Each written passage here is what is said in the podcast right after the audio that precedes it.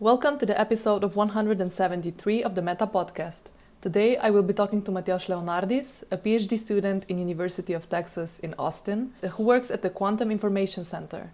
Per Matjaž's request, we will be talking in English. So Matjaž, thank you so much for coming. Please tell us a bit about yourself.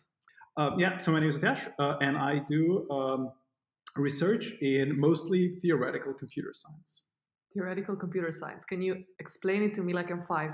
Uh, Uh, what are you actually exploring? Sure. Uh, so I can I can sort of briefly speak about sort of um, one of the projects that, that has kind of been uh, consuming my attention recently. Um, so this is uh, um, about um, trying to construct sort of um, uh, sort of um, undetectable and unremovable uh, backdoors in machine learning models. So just to give a brief brief context. Um, so um, it, there, have been so machine learning has been the news a lot lately with a lot of these uh, sort of uh, successful like language models and image generation um, um, techniques. And at the heart of all of that, at the heart of all of these things, are these things called basically neural networks. There are they are these one, one can think of them as sort of um, sort of functions that have been sort of put together from data and kind of a lot of computation. So basically, uh, machine learning people have figured out how to start with some kind of a network, take a lot of data, and then do some kind of computation to produce a network that is then very good at you know doing something or other. It can be um, um, classifying um, in the case of these generative models it can be like predicting the next sort of token or the next image pixel. Sort of that, that's kind of the context. Um, what i'm doing is there have been some kind of interesting results about how um, if you give this network to train to somebody else they can sort of they can sort of kind of train it in a way where when they give it back to you, the network will work fine. You know, if it if it's if it's you know recognizing images of, of cats and dogs, it'll recognize images and cats of dogs.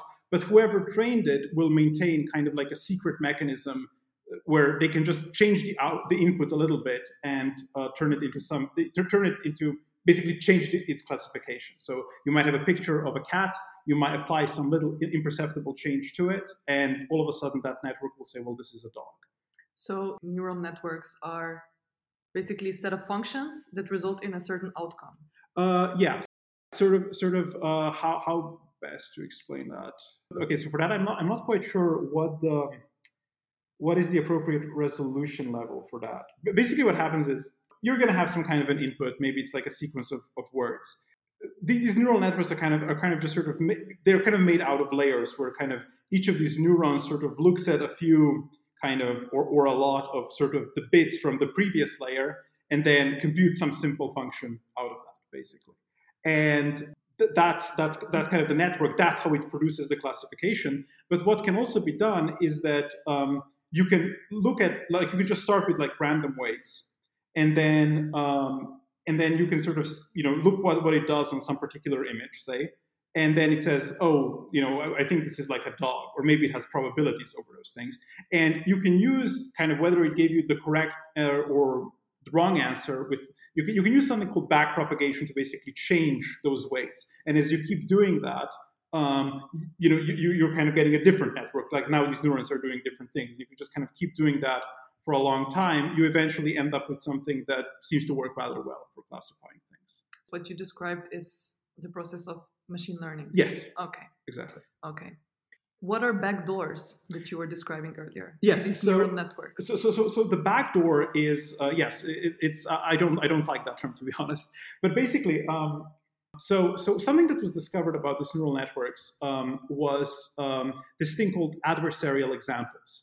So people were basically sort of thinking about okay, let's say that I give you an image and this network says it's a cat. Um, if I try to change this image in the least possible way, so that like, how much would I have to change this image before this network would say, no, no, this is now a dog? And it turns that, and it turned out um, that actually you don't need to change that image all that much. Um, you can change every pixel by just a little bit, um, and to, to, you know where it is basically imperceptible to the naked eye, um, and that network will kind of change its classification.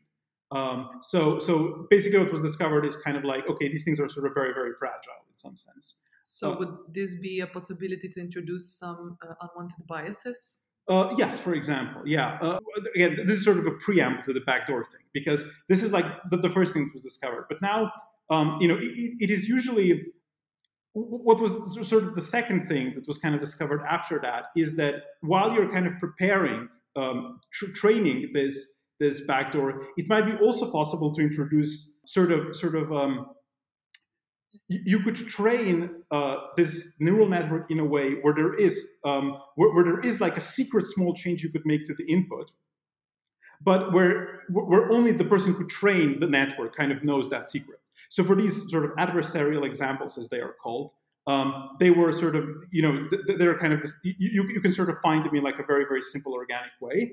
But this would be something where the person that kind of trained the network would know this like secret little change you could make but like somebody else couldn't figure out what that little secret thing is. The whole question is how does one prevent that? yeah. Example? Okay. Okay. Uh, and so and so uh, sounds uh, quite tricky. Yeah, and so so the the in part what motivates like the third question, which is which is is it possible to do this in a way where there is sort of such a backdoor, where there is the secret way of modifying mm-hmm. the inputs that also survives various other changes somebody might do with that network after the fact. Um, and it is and it is like a truly fascinating. I mean, the reason I got fascinated with this question is because it ties together sort of so many things. It um, there is a little bit of cryptography there, um, because, which sort of explains the secret part. There is, you know, trying to understand how these um, uh, neural network models work, which is sort of an interesting question in its own right. Then there is this further question, which is to what extent can you sort of obfuscate the workings of programs or sort of hide things within them. Um, there are all kinds of interesting results there as well. And so this is sort of a thing that kind of nicely ties a lot of these different things together. Oh, nice, interesting. So were you always interested in computers, in computer science? Since high school, I saw that you were a, a, a member of International Bioinformatics Olympiad team. Uh, yeah, in 2012, right? Yeah, International uh, Olympiad in Informatics. Yes, I, actually went uh, several times, as I did with the International Mathematical Olympiad. Uh, so that was uh, back in high school. Um, yeah, I mean, I, I do think that uh, I, I, think I've always been interested in science. I mean, I've definitely been in, interested in science since before high school. I do think that that sort of pushed more in that direction. that experience um, I, um, I, am somewhat ambivalent about these competitions, sort of in retrospect, in terms of so, so the, the ambivalence is that that on the one hand, uh, I do think that there were all kinds of really amazing things about that experience. On the other hand, I do feel that like one problem with competitions um, in general is that like the thing that I want to do, and I think that the thing that is that is sort of ultimately valued when it comes to research, is being able to say new things, new new things that people find interesting, rather than being able to sort of answer questions other people have posed. Um, and these two things, in my mind, are sort of very orthogonal because um, um, you know one of them is is sort of all about kind of uh, um, you know sort of sort of sort of you know basically knowing exactly kind of the answers to questions you know other people might have asked. And the other thing is more about having sort of a unique perspective that then allows you to sort of say something interesting. And uh, i find this latter thing sort of much more interesting but the two sort of are in tension i feel. And um, um, uh, that that is that is where sort of a little bit of my ambivalence comes from yeah knowledge fuels imagination uh, come in this circle. Well, that's true. That's true. Uh, although you know, so, some people will also say that ignorance can fuel imagination just just as well, because that's uh, true. Because you know, there is there is a story about how um, um, you know people often say, "Oh, we, we never would have done this had we known that." Uh, uh, now, you know, one can sort of wonder whether those stories are actually true. Um, but but there is um, where I see those stories as being true at any rate is is that I do think that kind of uh, following curiosity, which is which is kind of like um, you know where where it kind of feels your own picture of the world sort of doesn't make sense, is kind of um, much more engaging than necessarily um, following uh, whatever is sort of the the, the the high status information of the moment. I don't mm. know. okay, so what led you to go to study in Oxford? Well, I, I think it was sort of a mix of factors. I sort of uh, knew some people in Oxford, um, um, and I also really wanted to, um, you know, get get out of Slovenia because um, I don't know. It's sort of like you know, if you read these sort of science books, you know, you don't you don't just read about the science. You read about the people. You read about the places and there was this desire to basically be where um, where I thought, okay, you know, this is where things are happening. This is where where um, um, um, um where the vibe will be good to you know yeah yeah put your thinking on the next level. So sort of i mean it's it's it's i'm not sure whether whether it's sort of thinking at the next level. It's more just like um god i can't even remember how i was thinking at the time um, i mean it's the best one of the best universities in the world right? Again w- when you really get down to it it's not clear exactly what that means. Like what, what does it mean for it's something just to be best a university? summation of metrics that right right i mean right but, but but those metrics are not going to be the thing that define your experience. Yes. So so it's it's it's it's definitely i mean there definitely were a lot of interesting things that were sort of sort of happening in oxford. So um, but yeah it, it, it was just the sense of you know there are interesting things happening there. I should i should go there. Was it a matter of uh, british culture as well or just like the academic interests? Well uh, th- there are many nice things about the british culture uh, but i don't think that they that they were it, it, was it was sort of certainly certainly a part of it because uh, well I, I, was definitely drawn to some aspects of British culture.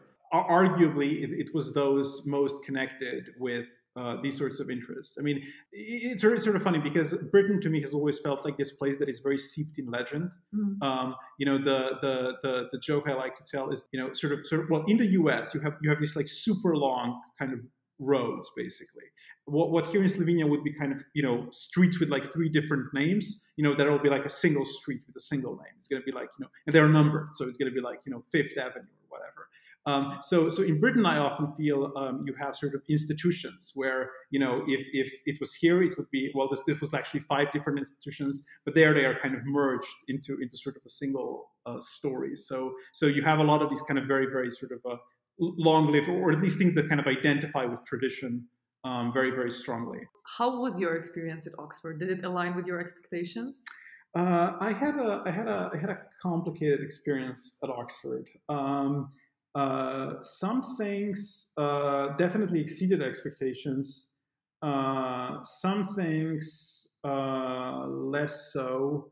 All in all, I feel uh, spiritually more at home in the US than I did in the UK. Why is that? I think that. Um, well, the, the, way, the way I experience it, at least, is that is that th- th- there is there is a certain kind of dynamism to the U.S. that isn't really there as strongly in the UK, although there is some of it as well, um, and there's definitely more of it than than in Europe. Like um, one way to think about it is that is that um, um, um well, in, the UK there is a lot of sort of uh, thinking about, like I said, sort of there is a lot of there is a lot there is a sense of continuity with some kind of a past, uh, whereas the U.S. has has uh, struck me as sort of a place that is kind of very single-mindedly focused on the present and the future, um, and so you get a lot of these. Um, um, I often feel like there are a lot of these sorts of narratives about how the world is or will be or should be that play this very very strong role in uh, different parts of the U.S. and uh, th- that is th- there is much less of that I feel both in the UK and also in Europe, and I feel like that is uh, you know one thing that I am for better or for worse drawn to. Okay, so after Oxford, you finish your bachelor's. That's correct, and I and I proceeded basically directly uh, to the PhD after that without doing a master's. How did you come to contact with the University of Texas? Oh yeah, so, so there was there was uh, uh, a person there that I really wanted to work with, uh, who's sort of uh, the advisor at the moment. Uh, so that's that's sort of how um, it came together. Um, I did know sort of a lot of uh, really interesting people um, at Oxford, but they are sort of but, but they're, they're, sort of in the physics world, and I'm and I'm slightly more in the computer world, which was uh, uh, one reason I, I, wanted to do that. And uh, um, in terms of, well, Austin is, is yet, yet again a very different place from both what I'm used to from Slovenia and from Oxford. It it has wonderful temperatures. Uh, uh, you know, I think it was like 30 degrees centigrade at some point in December. Uh, so, and I really like love warm weather. So that's that's something I like, and it's it's one of these uh, cities that sort of grew during the pandemic. Uh, I think you know a lot of people were kind of talking about both it and Miami. I think during the during the COVID pandemic. Um, so so yeah, that's that's kind of uh, how how I think I ended up there. How long have you been living there now? Uh, uh, I think about two years now. Mm-hmm. So you're somewhat in the middle of your PhD right now. That's correct. Yes. Mm-hmm. How would you compare modus operandi in the academic world hmm in UK and USA?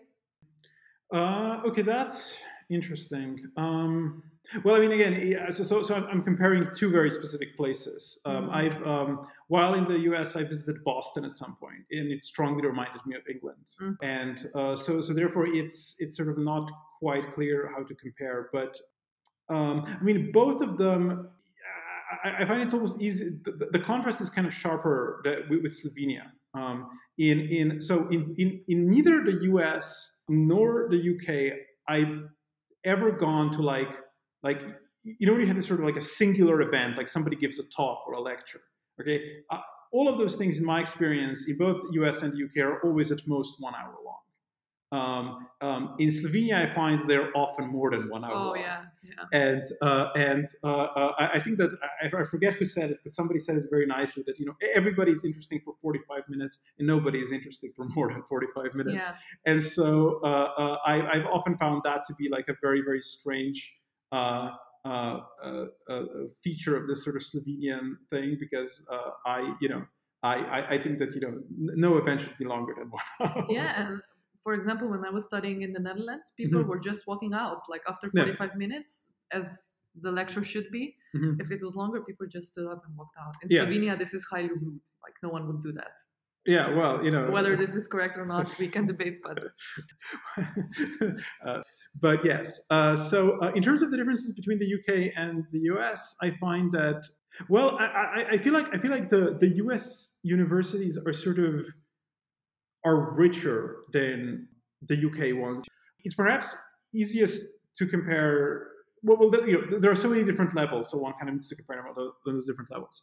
In terms of how the undergraduate things are organized, I do find that um, so the way the way you do this at Oxford, for example, is that during the year people will have um, uh, th- there are three eight week terms. Um, basically, during these eight week terms, there are like two lectures a day, and then people sort of solve these problem sheets, and then they have tutorials um, with you know specific people. So this is like small group teaching mm, um, in in uh, th- um, yeah, and and all of the grading and everything um, is done at the end uh, in June in a few weeks where basically all the exams are taken. Um, I think that that model has has has a lot going for it. Um, um, in the U.S., uh, the it is much more similar to this whole where you have these semesters, people do courses, there is homework, and then there are these exams. So there is much more of this kind of a continuous assessment. Um, the, the, the, the, the Oxford system is also nice because it hedges against at least certain kinds of conflicts of interest, I guess, because the people that um, do the grading um, and the people that do the teaching are sort of separate. Um, you Oh, never you so so so so here you know you you will usually have somebody that sort of teaches the class and then sort of grades everything as well. mm, Um, and I, I- I've always found that to be sort of a, a, a, a it- it's not it's not it's not a good combination. So this Oxford thing is very very nice in that it kind of cleanly sort of separates those things. Um, it has other problems, but but uh, that that at least is one feature that that uh, I think uh, ought to be emulated more broadly. Mhm. Okay. What are your biggest challenges at the moment, My biggest research-wise? Uh, my biggest challenges at the moment, research-wise, it's well, okay, I, I can actually describe that because it's been on my mind. I think that with research papers, there is generally very, very strong pressure on people for these papers to be boring. And I think that the way you get to sort of boring papers is that you have sort of, um, first of all, there is sort of pressure to push out interesting information.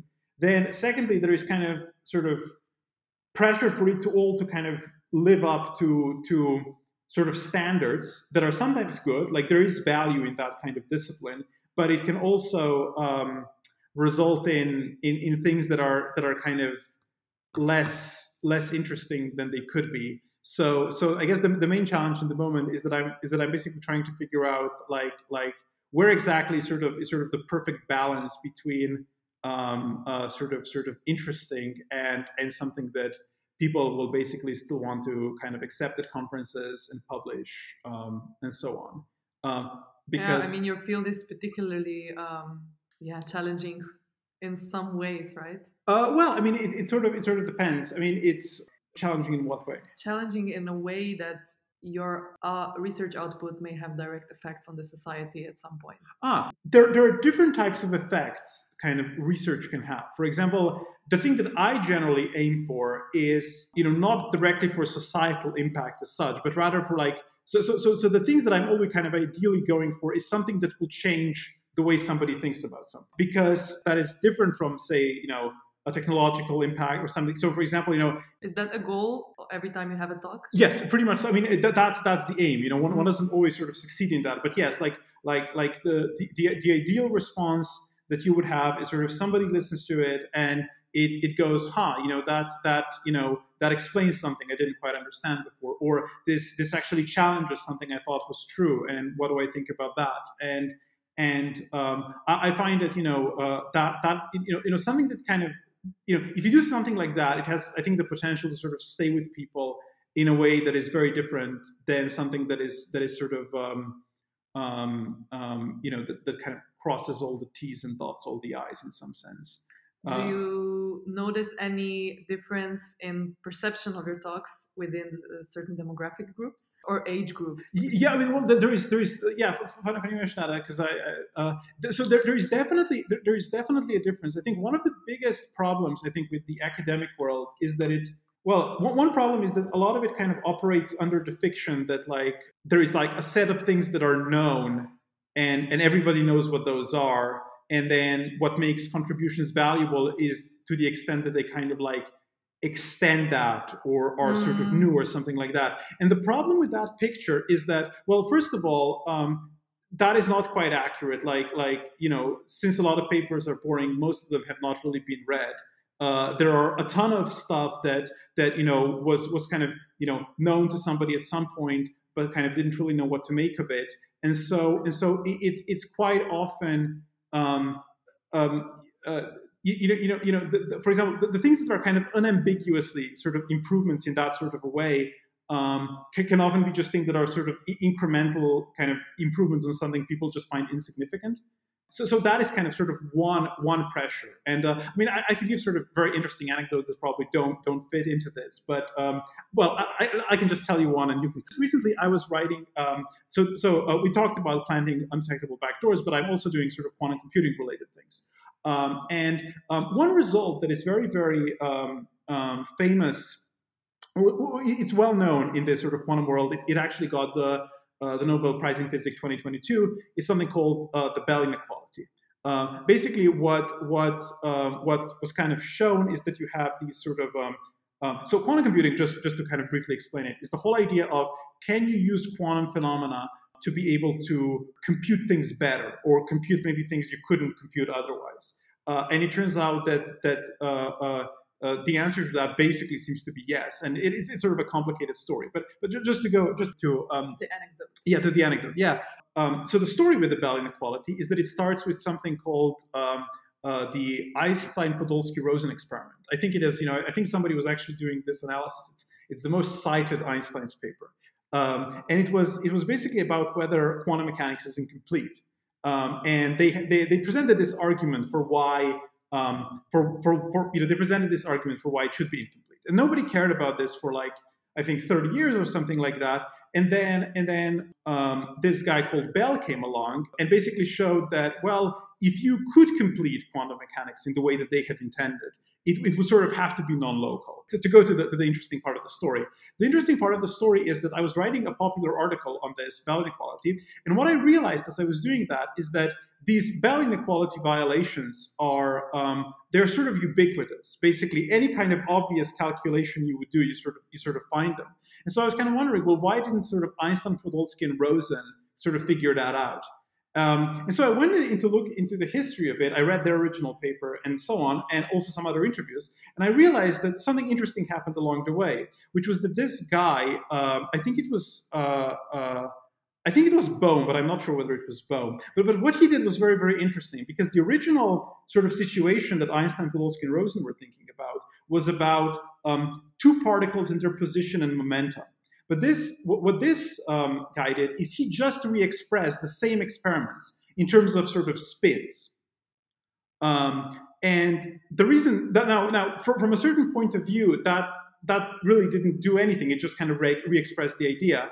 But it was actually that subtle re-expression that's then allowed, I think, for this Bell guy sort of come along and discover these things. Because because basically it, it, it's kind of translating it into that context that then allows you to ask um, um, so, so, you know when it comes to position and momenta they are just two observables as they are called. They're just two different things you can observe.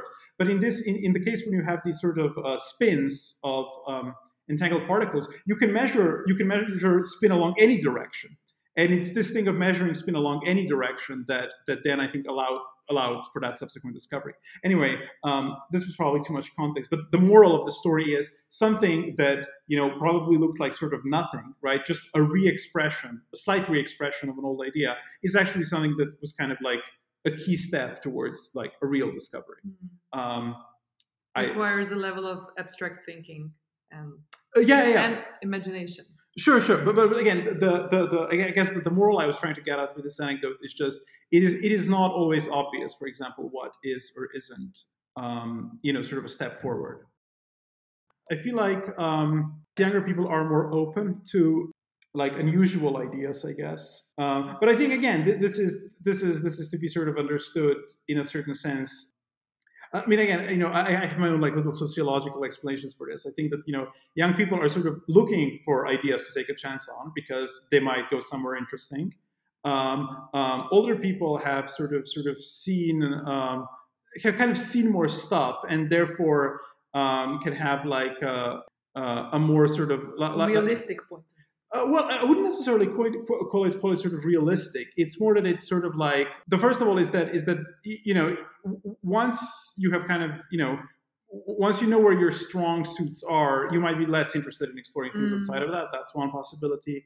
Another thing you could uh, that, that, you could have is just you could. I mean, I've sometimes actually heard people describe that. Uh, I think this is actually not in academic communities, but th- there is a danger of of seeing people trying something and failing at it because you can just be like, okay, this is impossible. This will never work. But then it's like you know the tenth attempt somebody makes it happen.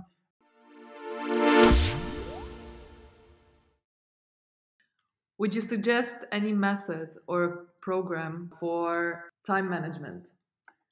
Well, just to give it to you as an option in case you do want to include it. One thing that I have actually started since the beginning of PhD is uh, um, I've discovered nicotine gum, which is uh, um, uh, you can cut it. no, I, am judging you silently, but it's fine. Okay. You're just saying judging me silently. Okay, yeah, no. So, so, so the thing, the thing that I find amazing is that, um, the, so the thing that I find nicotine gum amazing for is just writing. Um, it is unfortunate because uh, people often say that nicotine is addictive and habit forming. It doesn't seem to be the case with me, but I. So when you're on a break, you don't need it. No, no, no. Oh, that's interesting. It, I, I, only so so so so the to, to the extent it has become a habit, it is only a habit of oh, I would really really like to write something, but I can't do it and if I'm able, if I just take that, I can just focus for. Oh, so you know, it's like a ritual hours. for you. It's not even a ritual. It, it, it, so so it's anxiolytic effect and it's focusing a effect kind of kind of basically are just very very good for focusing on on writing because I, I feel like for a lot of people writing is sort of is sort of it's it's sort of fraught with emotion for a lot of people I think um, and and both of these effects kind of help with that. How did you come to this solution? Who that, told you about That's this? a good question. I think I think I just heard it mentioned on a podcast. Oh, wow, I, okay. I think I think somebody was just. Uh, I, I, think I think it was like it was like a it was actually just an ad. Uh, um, there is this guy that I find interesting uh, because he knows both chemistry and narrative, which is a very unusual combination. Um, um, and his name is Hamilton Morris, and I think I've heard it on his podcast. Okay. Um, and and people did say it was habit forming but i just tried it out of curiosity and i was like wow this this actually you know th- this is actually true uh, it does help with writing a lot um, in terms of other time management things i think that just like um, i think that very very often when people feel stressed or busy it's not so much that um, you kind of lack time it's more that you don't know what to do uh, and I feel like that is a very useful sort of mental uh, um, thing to to do. Um, the other thing is that, uh, or what else is there? Meditation is a thing a lot of people recommend. Um, I do you do you? Yes. Yeah. Uh, uh, it, it was very very interesting because so so for a very long time with meditation I was like I had this very very cynical view because I sort of thought of it okay for, for some reason I had this uh, despite you know its kind of growing popularity I thought okay this is a religious practice and like like this the the only thing that this uh, um, um, um, uh, uh, you know kind of enthusiasm people have about it show is that is that people will believe anything if five of their friends also believe it. I had this very cynical view. Uh, then I tried it and I was like, no, this is actually really interesting. Um, and I basically kept doing it ever since. Do you practice every day? Uh, yes. I mean, uh, uh, I mean, there will be days when I, when I skip it, but I think I started in 2020, and there are thousands of sessions recorded on on that app that I use for it. Nice. Uh, so so uh, it, it, has been a pretty pretty regular thing. Um, it is, uh, um, and so it, it is just um, again. I, I, I, find it. It is not. It is not something that kind of. Um, it, it's a little bit like working out in that kind of the benefits are sort of something that kind of accrues over time the rather than something. And the hormonal yeah it's it's sort consequences. of consequences yeah it, it's sort of it's sort of kind of uh, um, um, it, it's sort of i guess sort of just sort of uh, stabilizes things kind of o- over time more than it does uh, in in any given given moment. I mean, mindfulness is very useful just because, again, um, um, w- w- w- one of the things that is sort of causing a lot of dysfunction, I think, is just sort of, I guess, patterns of thoughts and emotions that um, get uh, that people are kind of not aware of, mm. kind of get triggered in various situations. And you know, for a lot of people, that is you know a very very large knot to to untie. And this is something that kind of allows one to untie that knot over time. Very nice. Would you recommend any movie, book, podcast? Okay, uh, let me think. Um, in terms of podcasts, I listen to what, what sort of podcast do I listen to? It's, it's sort of interesting because I, I, sort of I will I will look into a lot of books. I will look into a lot of podcasts, I've been watching less movies. I've just, I've just, ju- just today was the last, uh, uh, was the last uh, episode in uh, this TV series that I really like called Billions. Mm-hmm. Um, so I do recommend that to to to all your listeners. Um, in terms of books, I, I, I can I, will just mention a book that was written by um, a professor I worked with while I was at Oxford. It's called The Beginning of Infinity. Um, and it's it's a book that that a lot of people have found inspiring, in particular in the tech world. And uh, I'll, I'll, just leave it at that.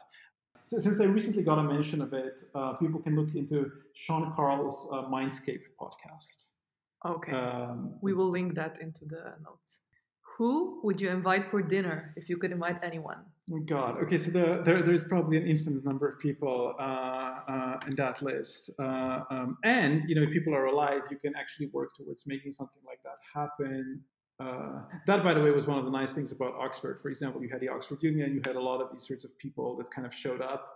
Um, you usually didn't have dinner with them, but you at least, but you could have like pre-drinks with them or something like that. So, uh, and and there are there are there are generally ways to meet people beyond that. So maybe I should focus on dead people uh, because that's that's that's that's that's kind of more hypothetical. Well, you know, it's it's so so one one one category of people, if we stick with science, that I think are, are very very kind of interesting, are sort of people that um, manage to kind of achieve. Uh, um, this sort of this sort of kind of like sort of, sort of sort of a legendary status. So, for example, one person that is very interesting in this way is sort of Richard Feynman uh, because he, he, he uh, this is this is I think is sort of a guy that has kind of developed almost like sort of sort of like um, a, a, cult following almost because um, you know there, there, are I think several books with stories from his life.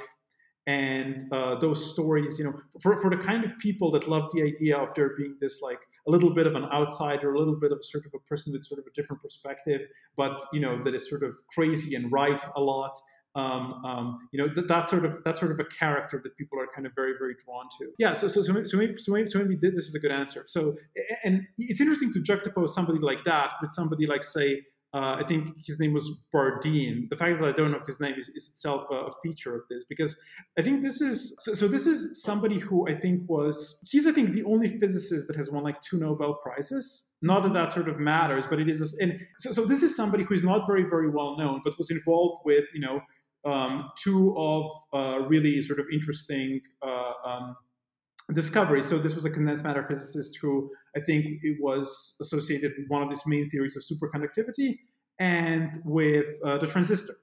Uh, so both of which are, uh, you know, you know, you, you, sort of think about well, if Richard Feynman invented the transistor, and and w- would that be cooler than quantum electrodynamics? And I, th- I, think it would be in some weird way.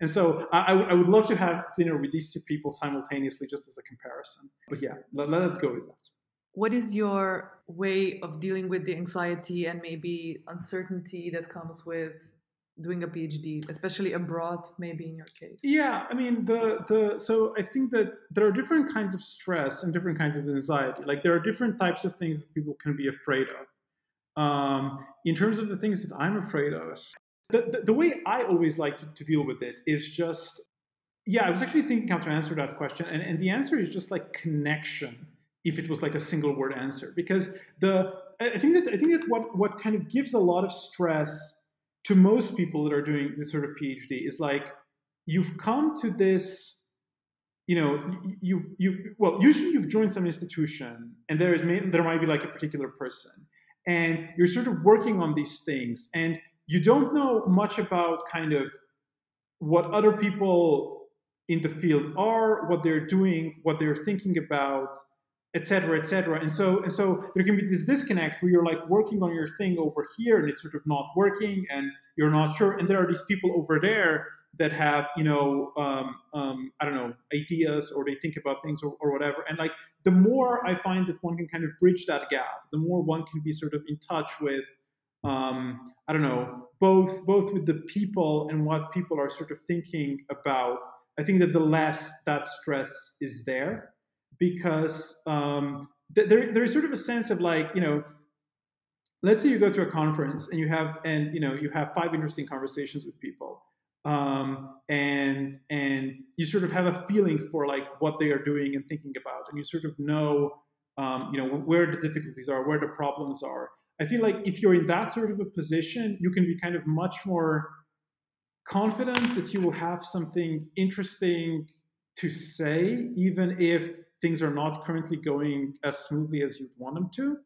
And so I, I feel like this this sort of sense of yeah, this sort of this sort of sense of connection with the broader the broader world is something that I think can be very sort of stress and anxiety induce uh, reducing uh, so the pandemic was difficult for you? No, actually, because because the pandemic uh, paradoxically was great because everybody. It, so it, it, was kind of funny because so I've, I've um, so one way in which I've changed from high school is that I have become much more social since then. And I think that like a, a, year or so before that pandemic was was the time when I was becoming increasingly more social. And so the pandemic was one of the most social times ever, actually, because I would just talk with a million people on Zoom. And mm since people were everywhere, you could basically talk with people from all kinds of places on Zoom. Um, and for that reason, the pandemic was not was not an issue. But in general, yes, it's it's like the the the the, the, more people can basically just because again when, when when things are not working out you just kind of see this um, you know you, you just see your kind of part of the picture and things are not working and you don't see this sort of bigger thing where where you know all of these concerns kind of seem less relevant. So uh, to the extent I'd have any advice, that would be that. That's a very good advice. I don't think I ever heard that before. Okay, that's good. Okay, and the last question: If you could give a future PhD candidate one advice mm-hmm. that you wish that you would get yourself, what would that be? Um, uh, to, to, to advice that I wish I would have gotten. Well, there is probably different advice that I would give than the advice I wish I had gotten. Okay. Because there is there is a little bit of a there is a little bit of a disconnect there. But but I think that um, so so the advice that I think I would give sort of more in general, I guess, is just is just something. This is also sort of a commentary on the overall kind of PhD sort of sort of thing. I think that one of the biggest problems is, is a little bit like I mentioned. So when when um, so, so I think that the very common trajectory for people is you do sort of an undergraduate where people are like, well, you need to sort of study these sorts of things, and and um, uh, and then people sort of join this sort of field. They probably don't even know what they're joining when they're joining. They don't really have any sort of connection with the people or with the ideas. I feel like having, you know, I really like to think in terms of like having a connection with the ideas, and that too is something that um, um, you know, is not is not sort of easy easy to go. So, for example, one question that is sort of always on my mind is like is like um, you know you know if you look at any sort of courses, the ideas that are taught in those courses, very very often, especially in things like mathematics uh, and sort of computer science, they might seem quite unmotivated. You know, it's just like, well, why did anybody think of this? And uh, and then you know people kind of take these exams where that exam kind of justifies the idea, but ultimately, you know, so, so in other words, there, there, are a lot of these ideas that just kind of have this sort of like social proof. People are saying, you know, this is important to know. This is like important for some reason, but it, people are sort of not exactly clear on what that reason is. And the question that is always on my mind is, look, you know, at some point there was a person that had to care this for some real reason that, you know, you know, there, there was nobody, there was no course, there was nobody saying that this is important. There had to be some situation, some problem, something, something that made somebody care about that idea for real. And the question that I'm always asking is, you know, who was that person? What was that situation? Why did this ever matter to anybody? And I find that that is a very useful thing to do to like as I said, build this like a real connection with ideas. And this is one reason why I hate taking courses because again, it's they, they kind of they kind of confuse this radar because if there is an idea and everybody says that it's important, but even after extended time, you just cannot figure out why it matters to anybody. You know, maybe it just doesn't doesn't matter to anybody at all because you know some ideas just sort of fall out, some some kind of don't don't matter. So th- this has been kind of my kind of characteristic approach. I really like to sort of be sort of thinking about why it is that, that, that anybody cares about this. Um, um, and because otherwise it, it, it is just you know people just get put into this very very difficult situation where first you were like well you know you're just supposed to know what everybody knows but now you're supposed to say something new about something or other mm. and that is just you know that is just very difficult to do unless those ideas if you've made some of those ideas your own in some sense and they mean something to you um, um, you know because that that is actually the thing that then allows you to sort of like like say okay well this idea has these nice features but it doesn't quite have these other nice features or it kind of lets you sort of sort of kind of you, you know it, it has to be somehow unsatisfactory to you for you to move it to something else and uh, um, that you know I, am not sure whether whether that's sort of advice but it that's is kind of advice. but, but it is just kind of general comment that i have on on all of this Thank you so much, Matias. Okay. When are you going back to the USA? Mm, I'm actually just about to, to buy the plane ticket, but I think that the, the plan is, I think, early December. Okay. Nice. Thank you so much. Poslušali ste Meta podcast, podcast, v katerem se pogovarjamo z mladimi znanstveniki in znanstvenicami iz različnih področji znanosti. Podcast domuje na spletišču metina.lista.si, kjer lahko najdete tudi druge poučne vsebine. Naše delo lahko podprete z donacijami Metini listi, pohvale, pripombe in predloge lahko posredujete na e-mail znanost.afnametina.si. Dobrodošli so tudi komentarji na Facebook profilu Metine liste in na Twitterju afnametina lista, kjer uporabite hashtag metapodcast. Se slišimo čez 14 dni.